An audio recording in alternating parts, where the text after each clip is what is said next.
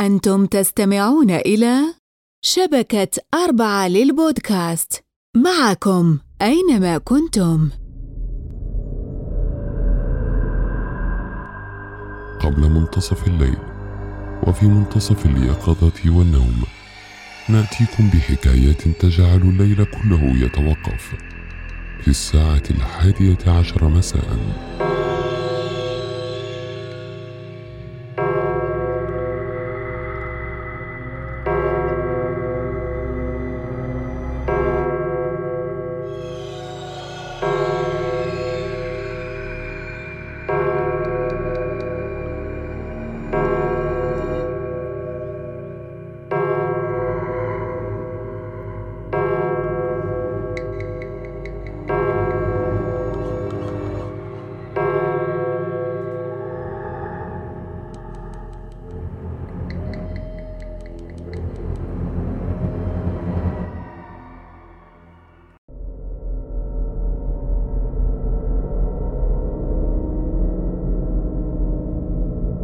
مساء الخير.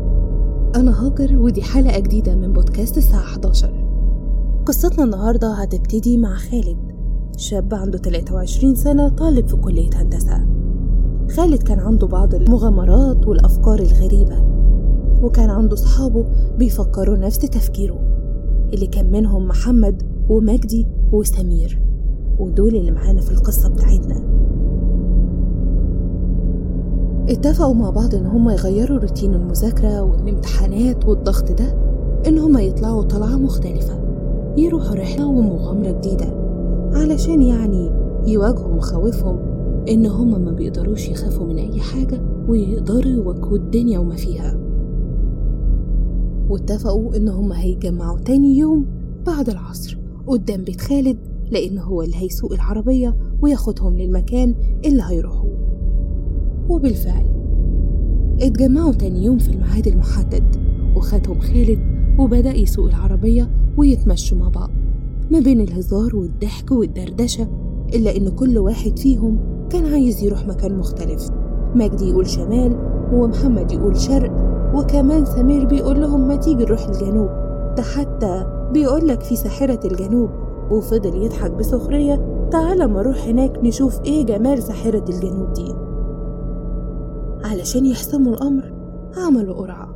وطلع كلام مجدي هو اللي هيحصل إن هم هيتجهوا ناحية الشمال. وفي طريقهم هناك قال لهم مجدي إن واحد قريبه اتكلم عن قصر مهجور بقاله أكتر من 30 سنة. القصر ده جنبه مقبرة. وتعالوا ما نروح يا شباب ونكتشف المكان هناك. وصلوا للمكان اللي كان من بره شكله مريب جدا. وشكله قديم ومليان الغبار والعفرة والضلمة مالية كل الأرجاء وخصوصا إن الوقت ده كان وقت الغروب. بدأوا ياخدوا أول خطواتهم ودخلوا جوه القصر اللي كان من جوه شكله شيك جدا جدا ويدل إن ذوق أصحاب القصر ده عالي وشيك قوي. الشكل من جوه مختلف تماما عن بره اللي يشوفه من جوه ما يقولش إنه مهجور ده يقول إن أصحابهم رايحين لرحلة وراجعين مرة تانية. يعني شكله لسه محافظ على نفسه كويس. بدأوا يكتشفوا المكان ويدخلوا يشوفوا ومنبهرين بجمال المكان ده. وفجأة سمعوا صوت غريب فوق في الطابق الأعلى. بص محمد لخالد وكلهم بصوا لبعض في صمت. ورد محمد وقال هو أنت مش قلت يا مجدي إن المكان ده مهجور أمال إيه الصوت اللي فوق ده؟ لا يكون حد يا عم عايش هنا وإحنا مش عارفين. رد مجدي وقال طب ما تيجي نطلع نشوف الصوت ده جاي منين؟ طلعوا كلهم يشوفوا إيه اللي موجود فوق وكهنا كانت الصدمة. إن مفيش ولا صوت ولا حتى مصدر ليه. بص مجدي لمحمد وقال له بدأنا التهيؤات وبدأ اللعب الحلو يشتغل. قعدوا يضحكوا مع بعض وخدوا الموضوع بمحمل الهزار ومحدش فيهم فكر في حاجة. محمد قال لمجدي ما تيجي أنزل أنا وأنت تحت؟ نشوف. أنا سامع صوت حلل عمالة تخبط وشكل كده حد في المطبخ والنور مولع. شكل كده في حفلة طبخ تحت وإحنا ما نعرفش. وخليك أنت يا خالد أنت هنا أنت وسمير دوروا في الأوض واستكشفوا فيها. وفعلا نزلوا تحت ما لقوش أي حاجة. وهم واقفين سمعوا صوت سمير بيزعق بأعلى صوته. تعالوا يا شباب تعالوا شوفوا أنا شفت إيه. تعالوا هنا هتنبهروا. هتشوفوا حاجة عمركم ما شفتوها. طلع محمد وطلع مجدي وكمان خالد كان موجود اللي لقى صور كتيرة جدا متبعترة في الأوضة بشكل غريب وكتيرة جدا واللي واضح إن هي صور للعيلة اللي كانت عايشة في القصر ده واللي كان واضح إنها كانت في العصر العثماني. فضلوا يدوروا في الصور ويقلبوا فيها وما كانش فيها حاجة ملفتة. وفجأة لقوا صندوق موجود في الأوضة. الصندوق ده مليان بالعملات الذهبية القديمة القيمة جدا. حاولوا يطلعوا أكتر من عملة ولكن كانت ملزوقة بطريقة عجيبة. مستحيل حد عارف يطلع منها أي حاجة. وهما بيدوروا في الصور مجدي لقى صورة للأب والأم أو للزوج والزوجة يعني. المختلف في الصورة دي؟ إن الزوج كان متصور وراسه مقطوعة. حب يكتشف إيه سر الصورة دي. يمكن تكون دي خدعة الهالوين زمان ولا إيه اللي حصل خلاهم يتصوروا صورة زي دي؟ كل اللي لقاها على الصورة هو تاريخ ومعرفش التاريخ ده تاريخ إيه ولا عرف أساسه إيه. بص مرة واحدة لقى محمد واخد الصندوق ومصمم وراسه ألف سيف إنه لازم ياخده معاه. ردوا عليه وقالوا له سيبه هنا وملكش دعوة بحاجة. وهم بيدوروا فضلوا يفتحوا في الدواليب ويدوروا في السرير ويدوروا في الأدراج ويكتشفوا المكان. واللي كان واضح إن الأوضة دي أوضة الزوج والزوجة. وفتحوا الدواليب ودوروا في الملابس. اللي كان واضح فيها جدا إن دي أزياء العصر العثماني سواء كانت للأب أو للأم. وهم بيستكشفوا الأوضة. محمد لقى عملتين من العملات القديمة دي واقعين في جنب أخدهم من غير ما حد ياخد باله. بمعنى أصح لا من شاف ولا من دري. وحطهم في جيبه وما تكلمش ولا جاب سيرة المخلوق. إن في جيبه عملة ذهبية من دي وما اكتفاش بكده. ولف الصندوق في طرحة وقال أنا لازم أخده معايا. في اللحظة دي سمع أصوات غريبة جدا. فجأة شافوا سمير مبلم على الحيطة ووشه أصفر زي الليمونة. وكل اللي بيعمله إنه بيشاور وبيصرخ ناحية الحيطة.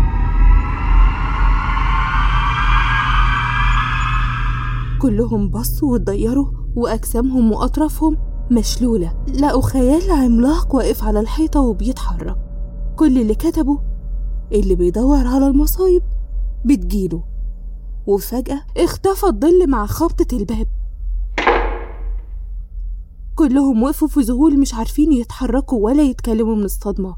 اللي فوقهم صوت مجدي وهو بيقول لهم خلونا نمشي من المكان المشؤوم ده خلونا نروح بيوتنا. إحنا عايزين نرجع بس كويسين ومش هنرجع هنا تاني. من هنا رد خالد على محمد وقال له سيب الصندوق ويا دار ما دخلت شر وخلينا نمشي من المكان المشؤوم ده. سمير رد بكل قلق أنا عايز أمشي من هنا حالا وما تقولوليش أطلع تاني مغامرة أو مكان غريب زي ده. أنا عايز أروح أنا عايز أروح. وكلهم بيرتعشوا من كتر الخوف. رد محمد باستهزاء وضحك وقال خوف إيه يهبل أنت وهو؟ ما تجمد كده. جرى إيه؟ أنتوا فكرين إن اللعبة والحيل السينمائية دي هتخيل عليكوا؟ شكلك واحد حب يطلع معانا ويعمل لنا كام خدعة. أنتوا إيه؟ خلاص مفيش حاجة اسمها خوف. مفيش حاجة اسمها عفاريت مفيش حاجة اسمها الكلام الفاضي ده. يلا انت وهو خلينا ناخد الصندوق ونطلع. ومن هنا الباب مش عارفين يفتحوه بأي طريقة. فضلوا يخبطوا فيه ويشدوا فيه ويصرخوا.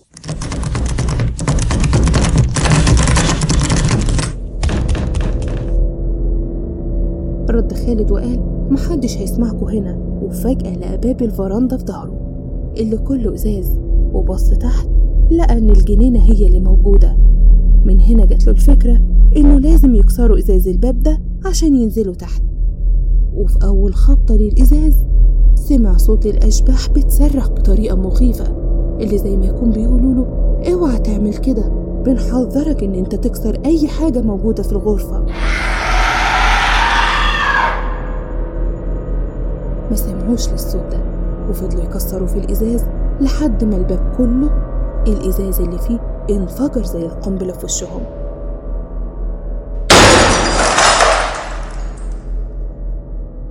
ولكن الحمد لله جت سليمة. كان في بعض الخدش البسيطة فيهم بس. أخد خالد اللحاف من على السرير بسرعة رهيبة وربطه في سور البلكونة ونزل واحد ورا التاني. يلا بسرعة عايزين نطلع من المكان المشؤوم ده. إلا محمد كان آخر واحد واللي اختفى فجأة وكانوا كلهم خايفين عليه ليكون جراله حاجة.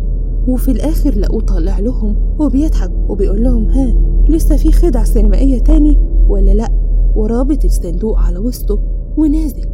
وأول ما نزل نص اللحاف لقوا اللحاف بيتشد بسرعة رهيبة لفوق ومحمد اختفى. كل اللي سمعوه صوت صريخ محمد ومحدش عارف هو ده سببه إيه.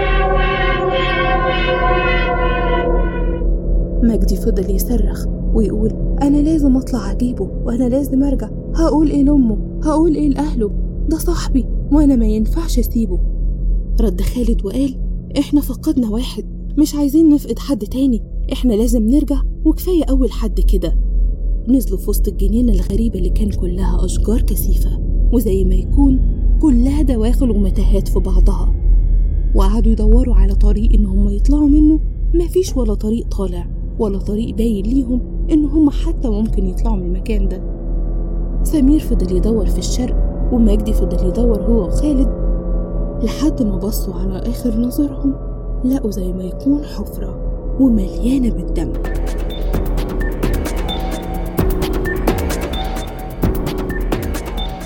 قرب خالد هو ومجدي عشان يكتشفوا إيه الحفرة دي. الصدمة هنا إنهم لقوا محمد وعرفوا إن ده دم صاحبهم اللي معاه الصندوق ومرمي جوه الحفرة. فضل خالد ومجدي واقفين في صمت رهيب مش قادرين يتكلموا زي ما يكون في شلل مسك أطرافهم. جه سمير بيسألهم الحفرة دي فيها إيه؟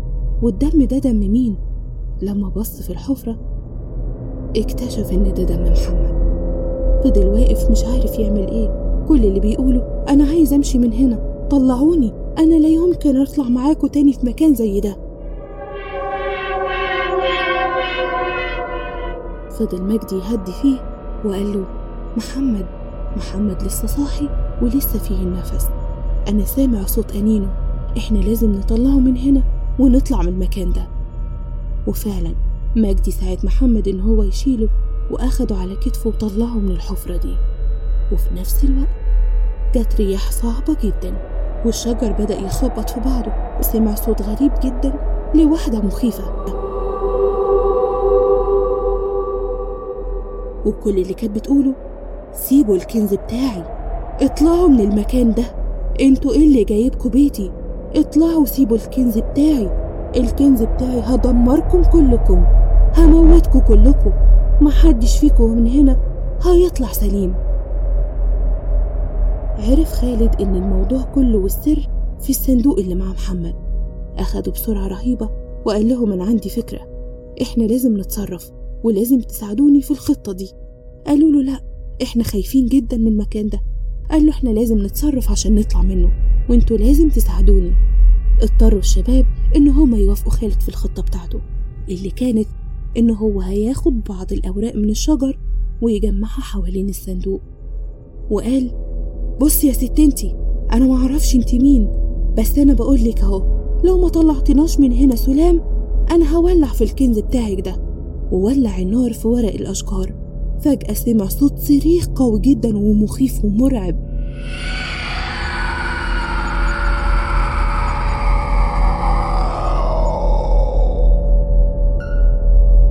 وهي بتقول خلاص هساعدكم هساعدكم تطلعوا من هنا. بس سيب الكنز بتاعي. ما تحرقوش. اوعى تحرق الكنز بتاعي.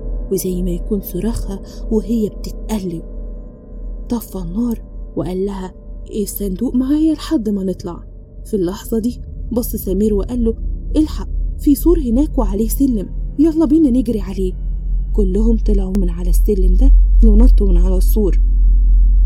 وكان آخر واحد فيهم هو خالد اللي كان ماسك الصندوق ومرعوب جدا. وخايف لما يطلعش من المكان ده.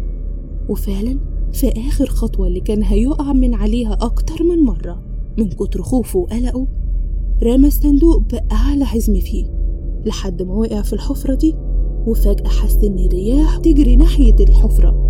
ونط من على السور وقدروا إن هم ينجوا من المكان المشؤوم ده. نزلوا من على السور إذ هم لقوا نفسهم في المقابر اللي جنب القصر. فضل سمير يقول مسخن من سيدي إلا ستي. إيه اللي أنتوا جايبيني فيه ده؟ يا ريتني ما سمعت كلامك. خطتك المنيلة شوف جبتنا فين. قال له التراب أرحم ولا في وسط العفاريت اللي جوه اللي إحنا ما نعرفش دول إيه؟ فضلوا ماشيين ومسندين محمد معاهم. وفي الآخر خالص قابلهم واحد شكله غريب طويل وعريض وأسمر وجسمه كله معفر كده وتراب. اكتشفوا إن ده الحانوت بتاع المقابر. وقال لهم أنا عندي علاج لصاحبكم. اتصلوا بالاسعاف وما تجوش هنا تاني. وبالفعل اتصلوا بالاسعاف وخدوا بعضهم ومشيوا. وهم هناك راحوا بلغوا البوليس وحكوا لهم كل اللي حصل.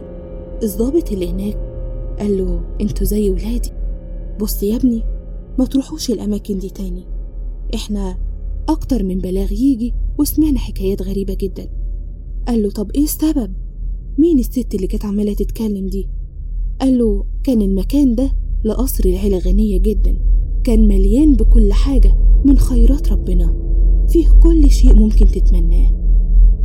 حصل مجاعة في البلد وبدأوا الناس يروحوا يهربوا ويسرقوا القصور والأماكن اللي ممكن يلاقوا فيها أكل. وكان من ضمن الأماكن دي القصر ده. وصاحبة البيت كان عندها مخبأ سري أو أوضة سرية. وكانت بتشيل فيها المؤن وبتشيل فيها الأكل والكنوز بتاعتها زي دهبها والحاجات بتاعتها وكل حاجة غالية ونفيسة. ولما الناس هجموا على القصر هي استخبت في الأوضة دي. وطلعت من الأوضة لقيت الناس قاتلين ولادها ودابحين جوزها ومقاطعين راسه. من هنا أصابها الجنون ومن يومها محدش يعرف عنها حاجة. واختفت الست دي واتنست القصة ومن بعدها القصر اتهجر والظابط قال أنا هقفل المحضر على كده وأنتوا ما تروحوش هناك تاني مهما حصل. عرفوا القصة من هنا وأخدوا بعضهم ومشيوا. تفتكروا لحد هنا القصة خلصت؟ بالعكس القصة هنا بدأت تبتدي مع محمد. اللي أول ما رجع البيت لقى أمه في حالة غيبوبة ومحدش عارف سببها إيه. وأبوه اللي بدأت تجيله تشنجات وحالات عصبية وبرضه محدش عارف سببها إيه. وأخته الوحيدة اللي كل يوم يروحوا يجيبوها بالليل في نص الليل. يا من الترب أو المقابر أو على سكة القطر وقاعدة مستنية القطر يجي عشان يموتها. بقوا كل يوم على الحال ده. وبعدها حس محمد إن حد بيكلمه وهو بيقول في ودنه كل ده بسبب الكنز اللي انت سرقته. انت سرقتني وأنا هدمرك. عرف محمد ان بسبب العملتين اللي سرقهم اللي كان في جيبه ومحدش عارف عنهم حاجة ان الروح الشريرة دي هتفضل تطارده لحد ما تاخد حقها منه. وجه في يوم قال أنا مش هسيب أهلي كده أنا لازم أروح القصر ده تاني. وخد بعضه لوحده. وراح للقصر ده وقبل ما يدخل. ووصل محمد عند القصر.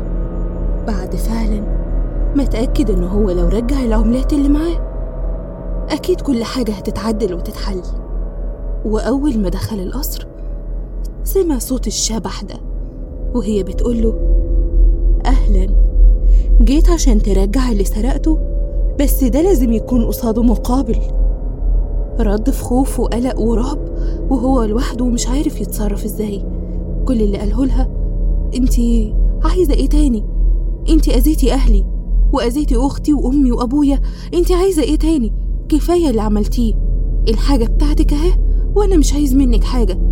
كل اللي عايزه منك رجعي لي أهلي زي ما كانوا وأوعدك إن دي مش هتتكرر تاني. ردت بضحكة شريرة وقالت له هو السرقة بالساهل ولا إيه يا محمد؟ أنت لازم تدفع حق اللي عملته ده. أنا محدش يسرق كنزي أبدا ومحدش يسرقه ويرجع سليم. قال لها طب انتي انتي عايزة تعملي إيه؟ قولي اللي انتي عايزاه وأنا هعملهولك بس أرجوكي خلي أهلي كويسين وبعيد عن أي حاجة. قالت له علشان نعفو عنك في شرط والشرط ده لازم تنفذه وهو إننا ناخد هنيك